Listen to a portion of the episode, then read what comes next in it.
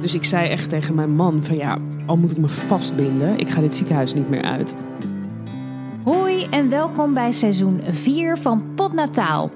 De podcast waarin je bekende en onbekende vrouwen over een van de belangrijkste gebeurtenissen in hun leven hoort vertellen: de bevalling. Laat je inspireren, voel je gesteund en verbonden met al deze geweldige vrouwen. Ik hoop dat dat is wat je haalt uit deze podcast. Ik ben Simone Wijnands en ik maak Potnataal. En dit is het verhaal van Dianta. Mijn naam is Dianta Broeks. Sommige mensen kennen mij misschien als presentatrice van shownieuws. Dat doe ik uh, een aantal keer in de week. Ik woon in Amsterdam met mijn man Mick en met mijn zoontje Davis. En Davis is op 21 oktober 2017 geboren. Ik ben bij Dianta thuis in haar prachtige loft, verborgen midden in de Amsterdamse binnenstad. Hoewel ze midden in de drukte van de stad woont, is haar huis toch een heerlijke oase van rust. We ontmoeten elkaar voor het eerst, maar eigenlijk voelt het meteen vertrouwd. We hebben een klik, zou je kunnen zeggen. En behalve dat ze gewoon een superleuk mens is, ziet ze er ook nog prachtig uit. Als dit een Instagram-post was, dan zou ik er nu een paar vlammetjes achter zetten en een smiley met hartjesogen, zoiets. Enfin, als ik mijn spullen heb geïnstalleerd op haar eetkamertafel en we netjes op afstand van elkaar zitten, het is en blijft nog steeds coronatijd, praten we over hoe haar eerste bevalling ooit begon. Hectisch. Vijf dagen voordat ik ben bevallen, was Davis heel rustig in mijn buik, waar hij altijd wel actief was. En het is natuurlijk normaal dat kinderen tegen de bevalling aan steeds minder ruimte hebben, dus minder gaan bewegen. Maar het was echt een heel groot contrast met de dagen daarvoor. Dus toen heb ik mijn verloskundige gebeld en die kwam langs. En die heeft alles gecheckt. En die zei: Nou, het ziet er uh, op zich goed uit, maar ik vind hem ook een stuk rustiger. Dus ik wil dat je toch nog even een echo laat maken. En toen ben ik uh, uh, naar het echocentrum gegaan. Daar heb ik een echo laten maken. En die, een echoscopist noem je dat volgens mij. Die man die zei tegen mij dat, dat de voeding van de navelstreng niet goed genoeg meer was. En die zei echt, ja, je moet met spoed naar het ziekenhuis.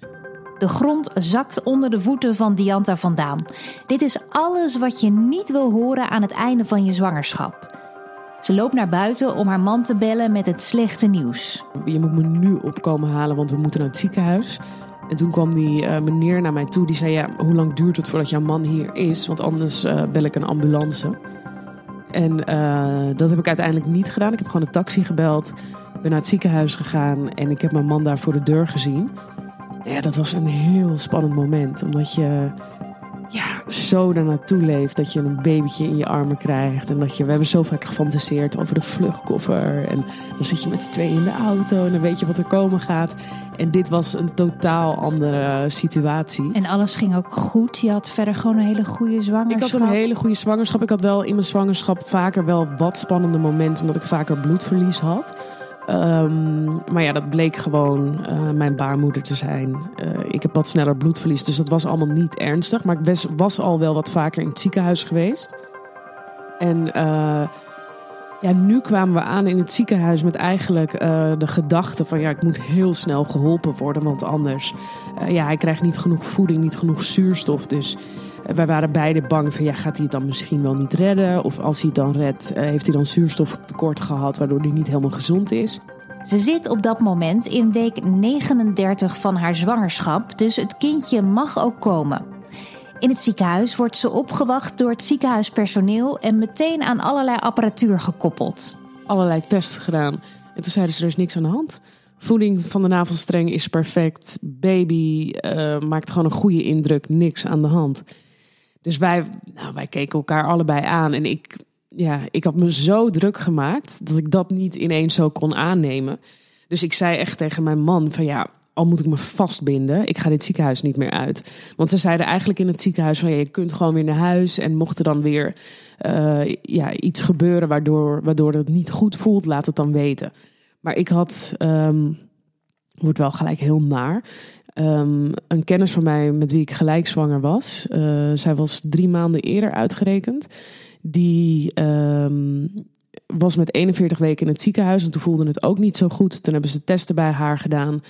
En ehm, toen zeiden ze, nou, in principe ziet alles er goed uit. Morgen gaan we de baby halen. De volgende ochtend werd ze wakker in het ziekenhuis, was de baby overleden. Dus dat speelde heel erg in mijn hoofd tijdens die zwangerschap. Van ja, dat kan je gewoon uh, overkomen. Dus ik was ook niet meer gerust te stellen. Dus um, toen heb ik gewoon gezegd: ik wil, ik wil ingeleid worden. Ik wil hier blijven liggen. En ik wil gewoon dat hij komt. Ik ben 39 weken, dus uh, het kan gewoon. Dus toen is het opwekken begonnen. Met allerlei toeters en bellen. Van een redelijk rustige zwangerschap belandt Dianta van het ene op het andere moment in een soort circus. Ik snap heel goed dat ze koste wat het kost in het ziekenhuis wil blijven. Ik denk dat ik mezelf ook had vastgebonden aan de spijlen van het bed in die situatie. Waarom de echoscopist met zo'n heftige boodschap kwam toen, is nooit duidelijk geworden. Het kan een momentopname zijn geweest. Dus het kan zo zijn dat de baby uh, of dat Davis de navelstreng zo heeft afgekneld op dat moment. Waardoor de toevoer zeg maar uh, ja, niet goed zichtbaar was. Ja, ik, het is nog niet helemaal te verklaren. Want ik heb die man van het echocentrum nog wel eens gesproken. En die zei van, nou, ik doe dit al zoveel jaar. En ik weet echt wel wanneer ik iemand naar het ziekenhuis stuur. En dit was echt nodig. Ja, in het ziekenhuis zagen ze helemaal niks. Dus... Um, Nee, ik denk altijd maar better safe than sorry. Better safe than sorry, ja. En dat is voor mij ook echt uh, uh, een les geweest. Weet je, als je zelf het gevoel hebt van... oké, hij moet gewoon nu komen. Natuurlijk op een moment dat het kan. Dus ik was 39 weken. Dat, met 30 weken is dat heel anders. Ja, luister dan naar je eigen gevoel. Want je merkt wel hoe je kind zich beweegt in je buik. En natuurlijk kan een baby altijd wat stiller zijn. Maar dit was echt dag en nacht verschil. Dus ik wilde echt graag dat hij kwam. Ja, ja en je zou het jezelf nooit vergeven als je dan niet uh, die stap had ondernomen. Misschien. Nooit, nee, nee, nee, nee, nee, nooit. Nee. Dus daar ligt ze opeens, in het ziekenhuis. De vluchttas ligt nog thuis, want zo snel ging het allemaal. En het droomplaatje van hoe haar bevalling zou lopen spatte uiteen. Ze krijgt een ballonkatheter en pilletjes die de bevalling op gang zouden moeten helpen. En ondanks de onverwachte stress heeft ze er toch nog steeds zin in. Het was niet iemand die bang was voor de bevalling. Uh, ik had gewoon zoiets van, ja, dit is toch wat wij uh, vrouwen doen. En, uh, en ik wil hem gewoon ontmoeten. Ik, ik, zat heel vaak in de babykamer te fantaseren van, hoe ziet hij er dan uit? En, dus ik had daar heel veel zin in. En uiteindelijk heeft mijn man dus wel die koffer gehaald. En dan heb je de babykleertjes daar en de maxicosi. Dus dan gaat het vanzelf wel weer leven. En ik, ja, ik had super veel zin om hem te ontmoeten. En had je ook een, een bevalplan geschreven hoe je het in je hoofd uh, het liefst had gewild ja. te horen? Ja, alleen dat viel natuurlijk al helemaal in duigen, omdat het ineens van een normale bevalling een medische bevalling werd. Dus, uh, maar goed, dat heb ik ook heel snel losgelaten. Ik had echt zoiets als hij maar komt, one way or another. Medisch, ja. niet medisch. En ze gingen hem natuurlijk wel monitoren in het ziekenhuis. En was hij toen weer uh, bewegelijker dan dat hij daarvoor was? Of uh, bleef dat ook een beetje nee, hetzelfde? Um, nou, hij was wel echt wat rustiger. Um, maar ja, ik denk dat ik daar ook niet meer zo op heb gelet. Omdat ik gewoon echt naar een schermpje kon kijken, zijn hartslag kon zien. En uh, daarmee gewoon heel erg gerustgesteld was. Misschien, wat ik zeg, die kennis van mij die dus zo'n ja, zoiets heftigs had meegemaakt met de babyverlies op 41 weken. Dat maakte mij ook gewoon heel onrustig. Omdat je dan ineens heel bewust wordt van uh, dus, ja, dat het niet goed kan gaan. Ook, ja. Dat dat ook een optie is. Dus misschien ook wel dat ik er te gefixeerd op was thuis. En uh, dat je dan ook wel verschil gaat merken als je er zo erg op let. In het ziekenhuis had ik dus echt zoiets van: ik ben in goede handen. Als er nu iets gebeurt, dan zijn er mensen om me heen. Dus ik heb daar ook niet meer zo op gelet. Nee, nee. Maar ja, je moest nog wel eventjes. Want ja. toen hadden ze die, uh, dat ballonnetje ingebracht. En uh, dan is het wachten. Nou, toen dacht ik, uh, dat hebben mijn man en ik volgens mij ook naar vrienden en familie geappt. Van ja, vanavond komt hij. Dus wij zaten echt met z'n tweeën in de, de bevalkamer. Zo van, uh, ja, oh, vanavond, gaan, ja, vanavond zien we hem, wat onwerkelijk. Niet wetende dat hij pas vijf dagen later zou komen. Ja, dus dat, uh, dat duurde en dat duurde. En in het ziekenhuis hebben ze zelfs nog uh, geadviseerd na vier dagen om me weer naar huis te laten gaan. Want ja, met het advies van ja, je lichaam is er echt nog niet klaar mee. en je zit misschien ook niet in je eigen veilige haven. Dus misschien dat je lichaam ook wat meer relaxt als je gewoon thuis bent. En dan komt het vanzelf op gang. Maar ik wilde dat ziekenhuis niet uit, dus ik ben daar gebleven.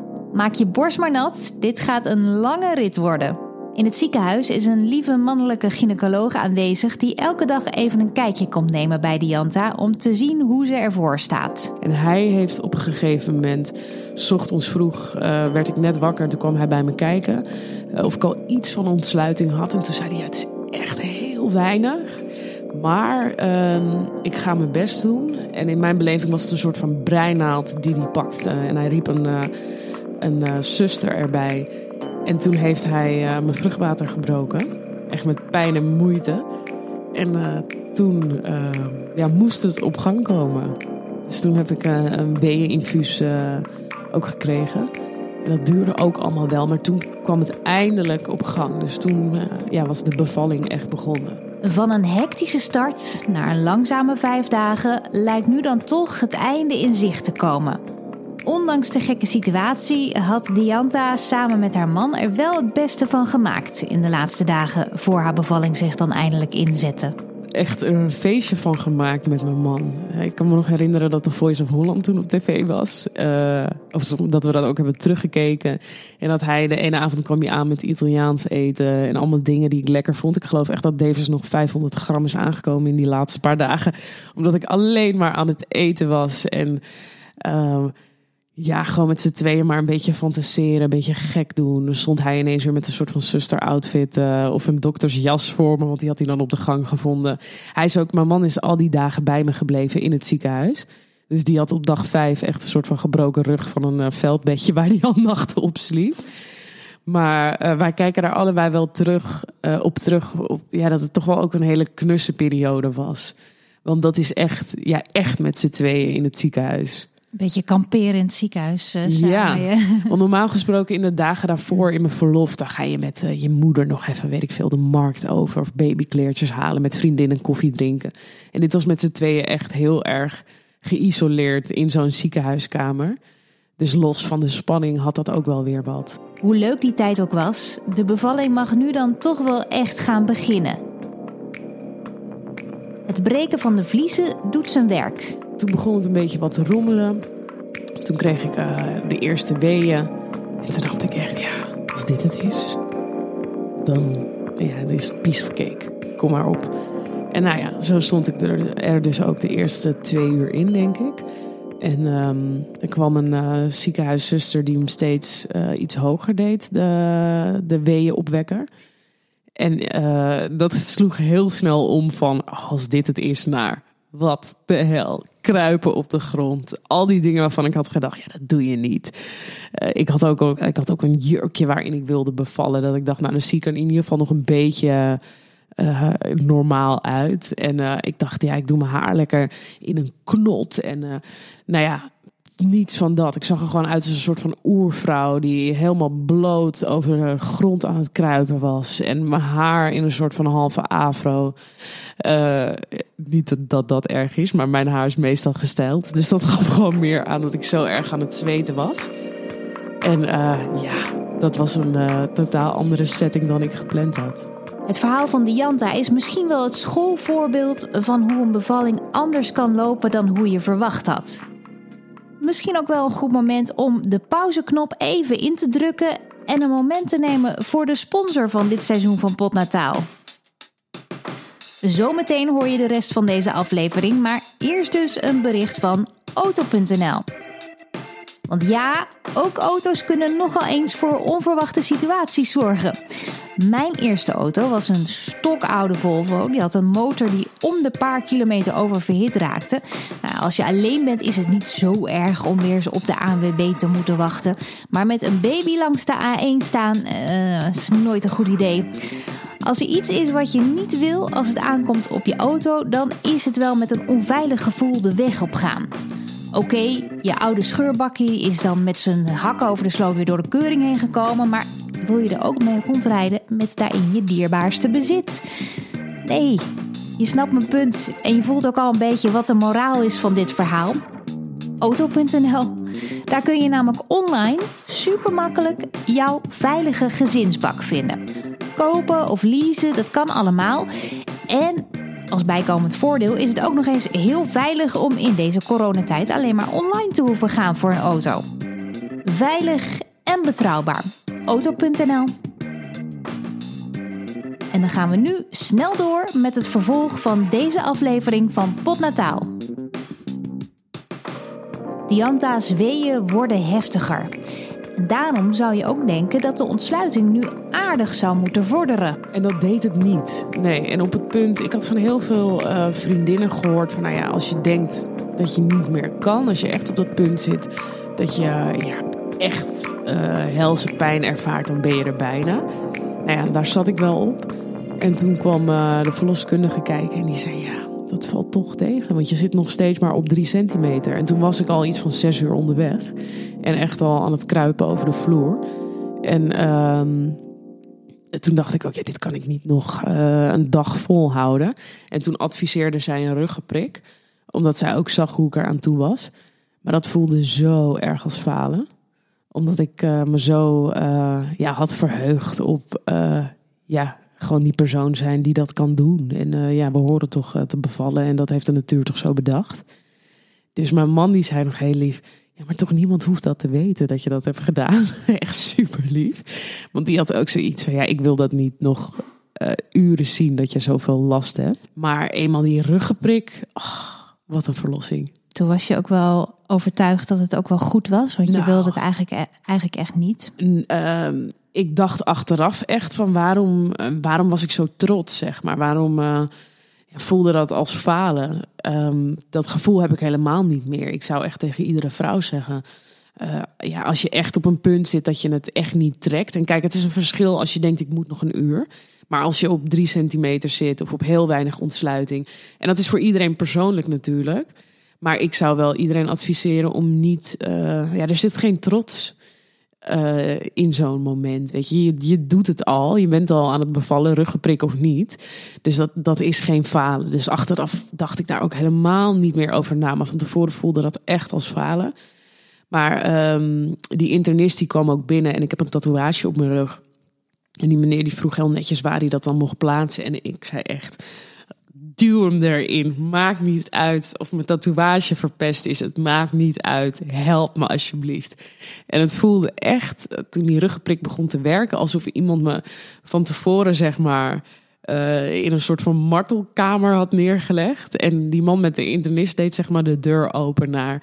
Welkom in de spa. Relax, neem een drankje haal lekker adem. Want ik lag daarna gewoon uh, in bed uh, pasta te eten, volgens mij, tv te kijken, mijn moeder te bellen en een beetje naar een schermpje te kijken waarbij ik zag dat ik blijkbaar een wee had, maar die voelde ik niet. En dan dacht ik iedere keer, hoe kan het dat ik een uur geleden nog over de grond aan het rollen was en en iedere keer dacht, oh hij komt, hij komt, die wee. Dat je, dat je, dat je hem gaat verwachten. Dat is het erg. Zeg maar, de wee zelf doet pijn. Maar dat je weet dat hij komt, daar, daar, was ik, daar zat ik helemaal in. Terwijl je moet er, je moet niet die paniek krijgen. Je moet er in het moment meegaan en een beetje die weeën volgen. Maar ik was op een gegeven moment omgeslagen in gewoon paniek. Die wee die komt. Nee, nee, nee, nee, nee. Ging je echt fysiek verzetten eigenlijk? Ja, uh, ja. ja, ja, ja. Alles wat je niet moet doen. Ja. Ja, en ik had zoveel van mezelf verwacht. ik dacht echt, ik doe dit met twee vingers in mijn neus. Ik heb geloof ik tijdens uh, die weeën zoveel namen genoemd van mensen die zijn bevallen, van mensen uit mijn omgeving, dat ik uh, zei: uh, hoe kan het dat Lonneke dit heeft gedaan, dat Iris dit heeft gedaan, allemaal namen van mijn vriendinnen, dat ik echt dacht van, maar is dit echt wat iedereen heeft gedaan, of is dit een soort van uh, bizarre bevalling. Maar dat is natuurlijk gewoon een hele normale bevalling. Maar ik had het gewoon niet zo heftig verwacht. Nee, nee, je had het gewoon, je had een, bijna een soort van wedstrijd met jezelf. Van ik moet het allemaal zo. Ja. Als ik het maar zo doe en zo, dan is het goed. En, ja, en, uh, en allerlei verwachtingen van iets dat je niet kent. En dat is al om te beginnen heel gek. Dus ik had, ik had er veel te veel verwachtingen van. En van mezelf. En van hoe dat dan zou voelen.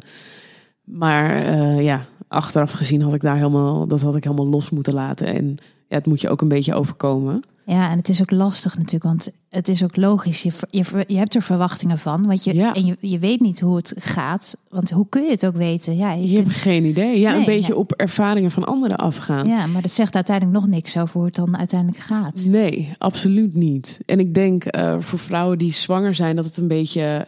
Je hebt of eh, het type vrouw die zegt van ja, nou ja, het was net als een, een hevige buikgriep. En toen was de baby er. Of je hebt vrouwen die zeggen, nou, het was de hel en ik ging dood. En er is ook echt nog wel een grijs gebied in het midden hoor. Maar ik denk dat die twee het meest blijven hangen. Dus de super easy, hij vloepte eruit bevalling en de helse bevalling. Dus ik heb helemaal niet nagedacht over dat grijze gebied. En eh, ja, wat voor pijn je dan ervaart. Dus eh, ja, ik ging er gewoon met verkeerde verwachtingen in. Verkeerde verwachtingen, te hoge verwachtingen misschien. Allemaal heel begrijpelijk en iets waar de meeste vrouwen mee kampen. Gelukkig is Dianta in staat om haar verwachtingen ook weer heel snel bij te stellen. Toen ik eenmaal in bed lag en die weeën dus eh, ja, werden opgevangen door die ruggenprik. eh, toen voelde ik op een gegeven moment de pijn weer terugkomen.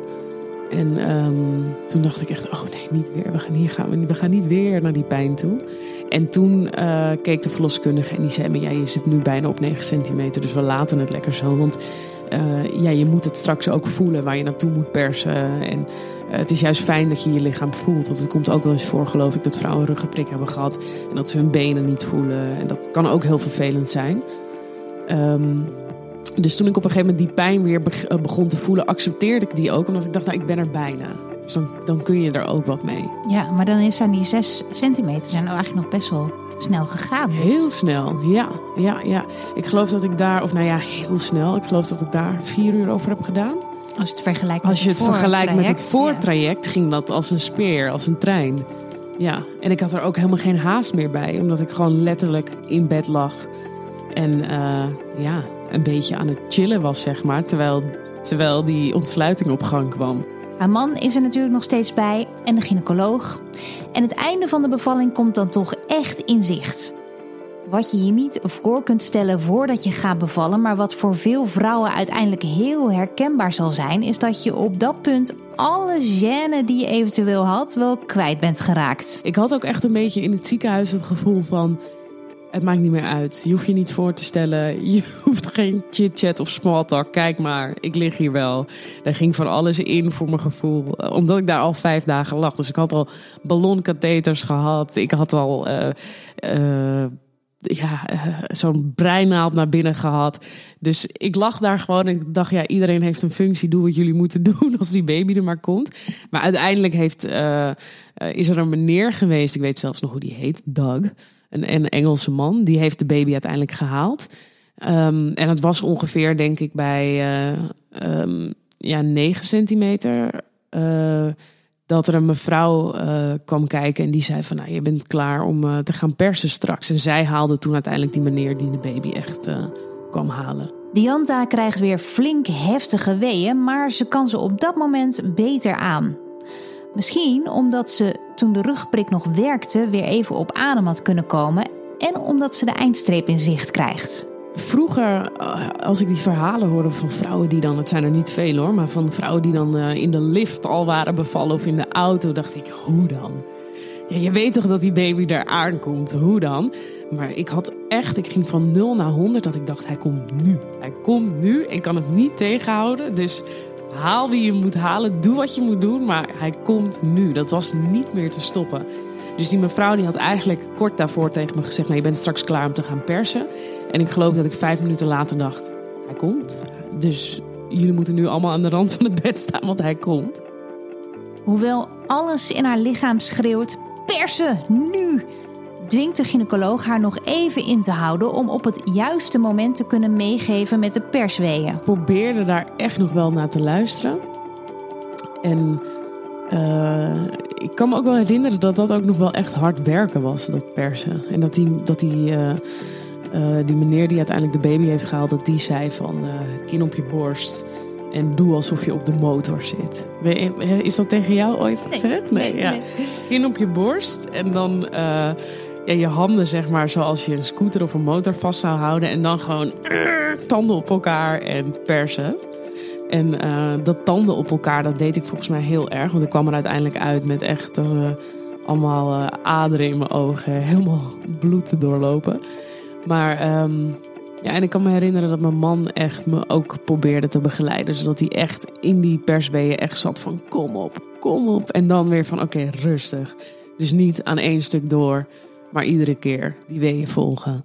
En luisteren naar wat die vrouw tegen je zegt. Hij bleef wel heel rustig, dus ook uh, sowieso. Volgens mij klinkt wel alsof hij wel echt jou goed Ja. tot steun uh, Ja. was. Ja. Ja, en ik, eh, ik heb ook wel vaak verhalen gehoord van dat mensen dan even niks kunnen velen. Dus niet een hand eh, op je schouder of niemand eh, rond je gezicht. Maar ik had wel, eh, eh, ik had daar wel heel veel aan. Iemand die, eh, die echt gewoon even tegen mij kon zeggen van, weet je, zonder poespas, gewoon van nu persen, nu eh, even luisteren en nu rustig aan. Want ik was ook heel erg eh, met mijn hoofd alle kanten op aan het vliegen. Zo van nee, nee, nee, voor die pijn. En het is natuurlijk heel belangrijk dat je die energie gebruikt voor dat persen. Dus daar werd ik iedere keer eh, op geattendeerd van hey, gebruik die energie nou voor dat persen. Dus je kunt wel ja, eh, met je hoofd wegdraaien en oh, het doet zo'n pijn. Maar ja, daar heb je op dat moment niks aan. En mijn man die kon me wel heel erg in die focus houden. Uiteindelijk is ze toch nog wel een flinke 50 minuten aan het persen. Terwijl het dus begon met het gevoel van hij, hij valt er nu uit. dus dat zal ook wel bij een eh, tweede bevalling, mag ik dat ooit meemaken. Eh, ja, dan weet je wat meer.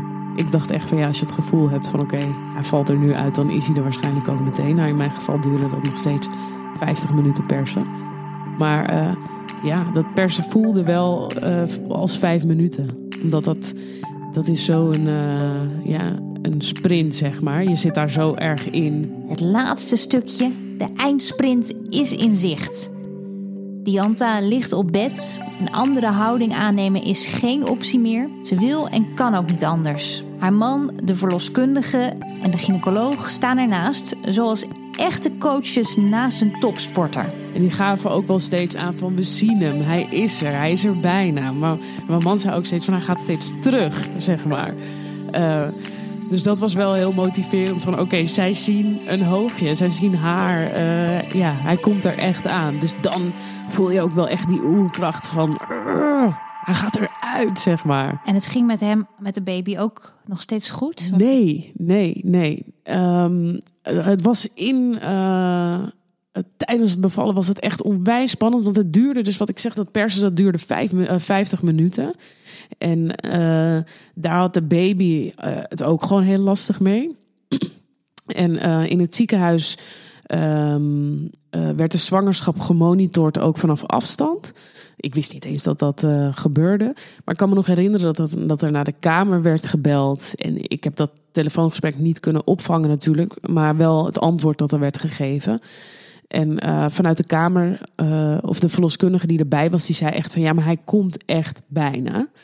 Ehm, en toch wa- was er blijkbaar iemand die het niet vertrouwde, of althans voor de baby niet. En toen hebben ze, ze zuurstof gemeten. Dus dat doen ze volgens mij met een plakkertje op zijn hoofd en een klein prikje. En ehm, ik weet nog dat ik in de paniek wel vroeg van wat is dat, wat doen jullie? En toen gaven ze aan van ja, we, we meten eh, het stressniveau van de baby. En toen eh, dacht, kan ik me nog herinneren dat mijn man zei van ja, stress, wat, ja, praat Nederlands met me, zeg maar. Ja, wat betekent dat? Ja, we meten het zuurstofgehalte, maar maken jullie daar geen zorgen over? Het gaat goed met de baby. Kom op, focus, bevallen. In een vreemd soort blur, haar laatste oerkrachten verzamelend, terwijl de minuten en secondes wegtikken, perst ze nog één keer uit alle macht. Ik kan me dat eigenlijk niet zo herinneren. Echt het moment dat hij eh, echt geboren werd, hoe hij eh, meteen eruit zag. Want eh, hij had een navelstreng twee keer om zijn nek. En hij was heel grauw. Ehm, maar dat, dat loste zich heel snel op. Maar als ik het met mijn man er nog wel eens over heb, die zegt echt van ja, ik keek naar hem en ik dacht echt van ja, dit is niet goed. Ehm, maar goed, die navelstreng werd van zijn nek afgehaald. En eh, ja, next thing I know had ik een, eh, een huilende baby eh, op mijn borst. Ja, dat was gewoon een moment vol ongeloof. Omdat je voor je gevoel een soort van ja, oorlog hebt overwonnen. En dat je dan ook niet kan geloven dat, dat die oorlog ten einde is. En dat die baby waar je al negen maanden naar uit hebt gekeken, dat je die in je armen hebt. Dus dat is ja, echt zo cliché, maar uh, het mooiste moment uit mijn leven. Dat je elkaar aankijkt met ongeloof. Gewoon, ik kan me de blik in de ogen van mijn man ook nog zo herinneren. Gewoon ongeloof van, hij is er. Dat je elkaar echt aankijkt van, nou, dit, dit, dit is ons kind, dit is niet waar. Hij, hij is er. En uh, ja, dat, uh, dan is alles ook wel gelijk uh, op dat moment even vergeten. Maar dan blijkt Dianta opeens te veel bloed te verliezen. En dus wordt haar pasgeboren zoontje weer van haar borst getild. Toen dacht ik echt van ja, oké, hier heb ik ook geen rekening mee gehouden. En wat betekent dit dan? Kan ik dan uh, ja, oud gaan of iets? Volgens mij waren ze aan het overwegen om mij naar een andere kamer te brengen. En eigenlijk op het moment dat ze dat wilden doen, stabiliseerde het weer. En was het van oké, nee, uh, het gaat goed. Hoe voelde je jezelf? Um, ja, een beetje zweverig. Alsof ik niet helemaal op aarde was. Want um, je hebt zoiets intens meegemaakt. En misschien was het ook wel al de vermoeidheid van vijf dagen in het ziekenhuis liggen. En ik had zo makkelijk naar die bevalling toegekeken. Zo van ja, dat kunnen wij. En uh, nou ja, dat ging niet helemaal zoals ik had gedacht. Omdat er gewoon van alles bij kwam kijken. Qua prikjes, qua uh, heftigheid, zuurstofgehalte van de baby. Dat ik uh, echt moest landen. Dus ik had ook niet um, meteen dat gevoel van: oh, mijn baby, mijn schatje en oh, roze wolk. Ik heb echt, geloof ik, een half uur onder de douche gestaan. Een soort van naar de grond lopen staren. En um, mijn beste vriendin, die was uh, inmiddels in het ziekenhuis. En zij zat uh, samen met mijn man, met Davis, dus ons zoontje. ja, die zaten naar hem te kijken. En mijn man die zat. Voor hem begon het op dat punt. Want hij had eigenlijk die negen maanden zoiets van: ja, ik vind het iets heel ongrijpbaars, ontastbaars. Jij voelt de baby natuurlijk in je buik, maar ja, ik, ik kan het nog niet helemaal rijmen met het kind dat er straks is. En hij zat daar op die roze wolk naar hem te kijken. En ik uh, had even niets. Uh, gewoon geen emotie, geen, niet die intense liefde waar ik over had gedroomd. Ik stond gewoon onder de douche en dacht: wat is er allemaal gebeurd? Wat is er allemaal gebeurd? Na zo'n intense eerste bevalling moet het bij Dianta allemaal even indalen wat zich nou de afgelopen uren en dagen heeft afgespeeld. Als ze onder de douche vandaan komt en haar zoontje weer ziet, wordt ze overspoeld door een gekke golf van liefde en verbazing. Jeetje, je bent echt en je bent zo mooi en ja, uh, heel onwerkelijk. Was maar... hij ook wel een beetje zoals je had voorgesteld van tevoren? Totaal niet. Nee, ik ben uh, half Arubaans. En ik ben toch best wel vrij uh, getint. Maar ik heb echt een blond jochie met blauwe ogen. En je zou niet denken dat, daar, uh, dat hij een Arubaanse moeder heeft. Dus dat, dat, ja, dat vond ik super leuk. Omdat er natuurlijk um, uh, bij een gemengd koppel is het altijd een beetje gokken wat daaruit komt. Dus we hadden allerlei vrienden en familie. En de ene, ene zei van, oh, dat wordt een getint kindje met krullen. En de ander zei van, oh, die kan zomaar eens blond worden. Dus dat was een beetje, ja, dat voelde als een gok. En uh, ja, er was een heel klein blond mannetje, wat ik super schattig vond. Na dagen in het ziekenhuis te hebben gebivakkeerd, komt daar nu abrupt een einde aan. Het kerstverse gezin mag vrijwel direct naar huis. En dat was Amsterdam Dance Event. Dus uh, wij hebben de Maxi Cosi uh, in de auto gedaan. En we reden door, stad, door de stad, want we wonen ook in het centrum van Amsterdam. En daar stonden allemaal mensen hard te gaan bij het stoplicht. Uh, met de knarsende kaken, zeg maar. De klappertanden. Dat was echt vier uur s'nachts of half vijf of zo. Iedereen was heel hard aan het gaan. En wij reden als een soort van opa en oma met max 30 over de weg. Omdat we ook niet harder meer durfden te rijden. Want ja, we hebben een baby in de auto. Hoe rij je als je een baby in de auto hebt? Dus mijn man die was echt... Nou, die heeft nog nooit zo langzaam gereden. En uh, ja, continu kijken van ja, gaat het wel goed met jou? En uh, uh, naar Davis kijken. En ja, ligt hij eigenlijk wel goed? hoort dat wel zo in die maxi Is dat pakje niet te warm? Zeg maar het begin van die miljoen vragen die je hebt als nieuwe ouder. En wij kwamen met de maxi thuis. En toen dacht ik ook, ja, en nu? Ik kan me nog herinneren dat, dat we hem op de tafel hadden gezet. Met maxi en al. En dat ik aan alles begon te twijfelen. Dat ik dacht, dit, dit klinkt waarschijnlijk heel dom, maar dat ik dacht, mag je ook niet gewoon een beetje water? gewoon zoiets randoms. Maar dat ik aan alles, zeg maar, alles wat ik van tevoren had gelezen. En ik was best wel, ik verheugde me er zo op. Dus ik was ook best wel veel aan het lezen. Maar ik was alles kwijt. Alles was gewoon omgeslagen in onzekerheid. Is het hier niet te koud voor hem? Is het niet te warm? Dus ik geloof dat ik um, s'nachts nog uh, de, uh, hoe noem je dat nou? De kraamhulp uh, heb gebeld. Een voicemail heb ingesproken van nou, ik ben bevallen. En ja, ik zou het toch wel heel fijn vinden als er zo snel mogelijk iemand komt. Help, ja. Help, ja. Zo herkenbaar dit. Ik denk dat vrijwel iedere nieuwe moeder deze mix aan emoties en onzekerheden heeft na haar eerste bevalling. Inmiddels is Davis een vrolijke en actieve peuter en het gaat. Goed, heel goed. Ja, hij is uh, twee jaar en uh, zeven maanden, acht maanden. Uh, dat is ook zo grappig. Op het begin wist ik echt, oké, hij is vier weken en twee dagen. En dat wist ik echt tot het eerste anderhalf jaar. En nu denk ik, ja, hij wordt gewoon in oktober drie. Dus ik weet niet meer hoeveel weken. Maar um, ja, het gaat zo goed en het is zo leuk. Ik vind moederschap het allerleukste dat er is. Ja, echt. En um, daar moest ik echt wel in groeien. Want uh, ik had dus die hele roze wolk verwacht, die eerste paar dagen. En ik was zelf die eerste paar dagen echt aan het bijkomen, ook mentaal. Dat ik, ik weet nog dat ik um, drie dagen na de bevalling mijn moeder huilend heb opgebeld. En dat ik zei van ja, maar uh, misschien is het wel niet oké wat ik voel. Want ik heb niet die intense liefde. En dat ik. Uh, ik was, was vooral zelf gewoon nog. Uh, ja, een beetje aan het beseffen wat er nou allemaal was gebeurd. Maar ik. Je weet, je hebt je kindje. Je weet dat je daar heel veel van houdt. Dat is zeg maar informatie die je hebt. Van ja, want dat, dat doe je. Dat, je houdt van je kind, zeg maar. En dat voelde ik ook wel. Maar het was niet dat hele intense waar ik op voorbereid was.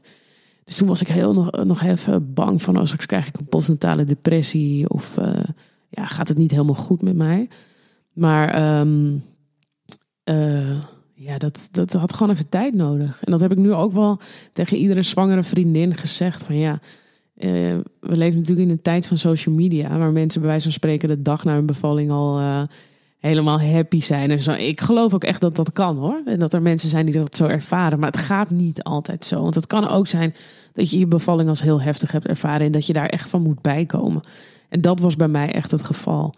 En um, ja, ik geloof na een paar dagen. Ik, ik heb heel veel gehuild die eerste paar dagen. Uh, echt kraamtranen. En als er dan weer iemand binnenkwam en die vroeg: en hoe ging het? Dan beleefde ik het weer helemaal. Of als ik naar bed ging, dan ging die hele film zich weer afspelen van wat er was gebeurd en de spanningsmomenten. Maar uh, ja, ik denk anderhalve week na de bevalling dat ik er echt een beetje, dat ik het een plekje had gegeven. Dat ik er heel veel, uh, ik heb er juist heel veel over nagedacht die eerste paar dagen. Ik ben wel iemand die het niet uit de weg gaat. Dus ik heb echt iedere stap doorlopen in mijn hoofd. Dus het echt een plekje kunnen geven. En ja, dan begint het genieten. Je hoorde het verhaal van Dianta. Heb je al gehoord over een vriend van de show? Waarschijnlijk wel, maar ik leg het nog eventjes uit. Ga naar vriendvandeshow.nl slash potnataal, want daar kun je je aanmelden als officiële vriend. Je kunt er in contact komen met mij en andere luisteraars. Je kunt laten weten wat je vindt van de show en er extraatjes vinden. En misschien heb je het er zelfs voor over om een donatie te doen. Ik zou het heel tof vinden. Kijk maar niks moet, alles mag. En waar je me ook enorm door helpt, is om Potnataal een 5-sterren recensie te geven in iTunes. Op die manier zorg je ervoor dat nog meer mensen deze podcast makkelijk kunnen vinden. En misschien, als je tijd over hebt, ook nog een leuke review achterlaten. In welke podcast-app je ook luistert, het is altijd een goed idee om je gratis te abonneren op de podcast. Want dan krijg je altijd een melding als er een nieuwe aflevering is. En kun je er dus nooit eentje missen.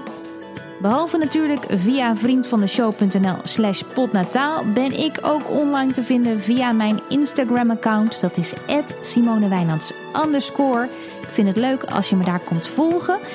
En potnataal, die beluister je natuurlijk via alle beschikbare podcast apps. En natuurlijk via dag en nacht. Dag! Natuurlijk krijg je krampjes en al die dingen. En baby's huilen. En je weet niet wat er is op het begin. Dus Google was our best friend. Herken je dat? Niet te veel, ja, ja zeker. Ja, oh man. Ja. En nog steeds wel is. Maar ook weer niet te veel. Je moet ook te weten wanneer je moet stoppen. Want Ja. soms dan kun je te veel. Dan weet je het niet meer. Je moet ook op een gegeven moment op je gevoel durven vertrouwen. Maar dat duurt Ja. gewoon eventjes, denk ik. Ja, Ja. ja. absoluut. Dat duurt echt even. Je moet, en je moet je kind leren kennen. Ja. Dat is ook iets. eh, het is jouw kind. Dus eh, ja, je denkt op het begin... Tenminste, ik dacht op het begin van ja, eh, ik ken hem. Het is mijn kind. Maar je moet echt je eigen kind leren kennen. Dus je herkent de huiltjes. En je herkent van oké, nu is er echt iets aan de hand. Of ja, nu is hij gewoon even ja, aan huilen. Dat is het enige wat baby's kunnen. Dus ik moest daar echt even ja, vertrouwd mee raken.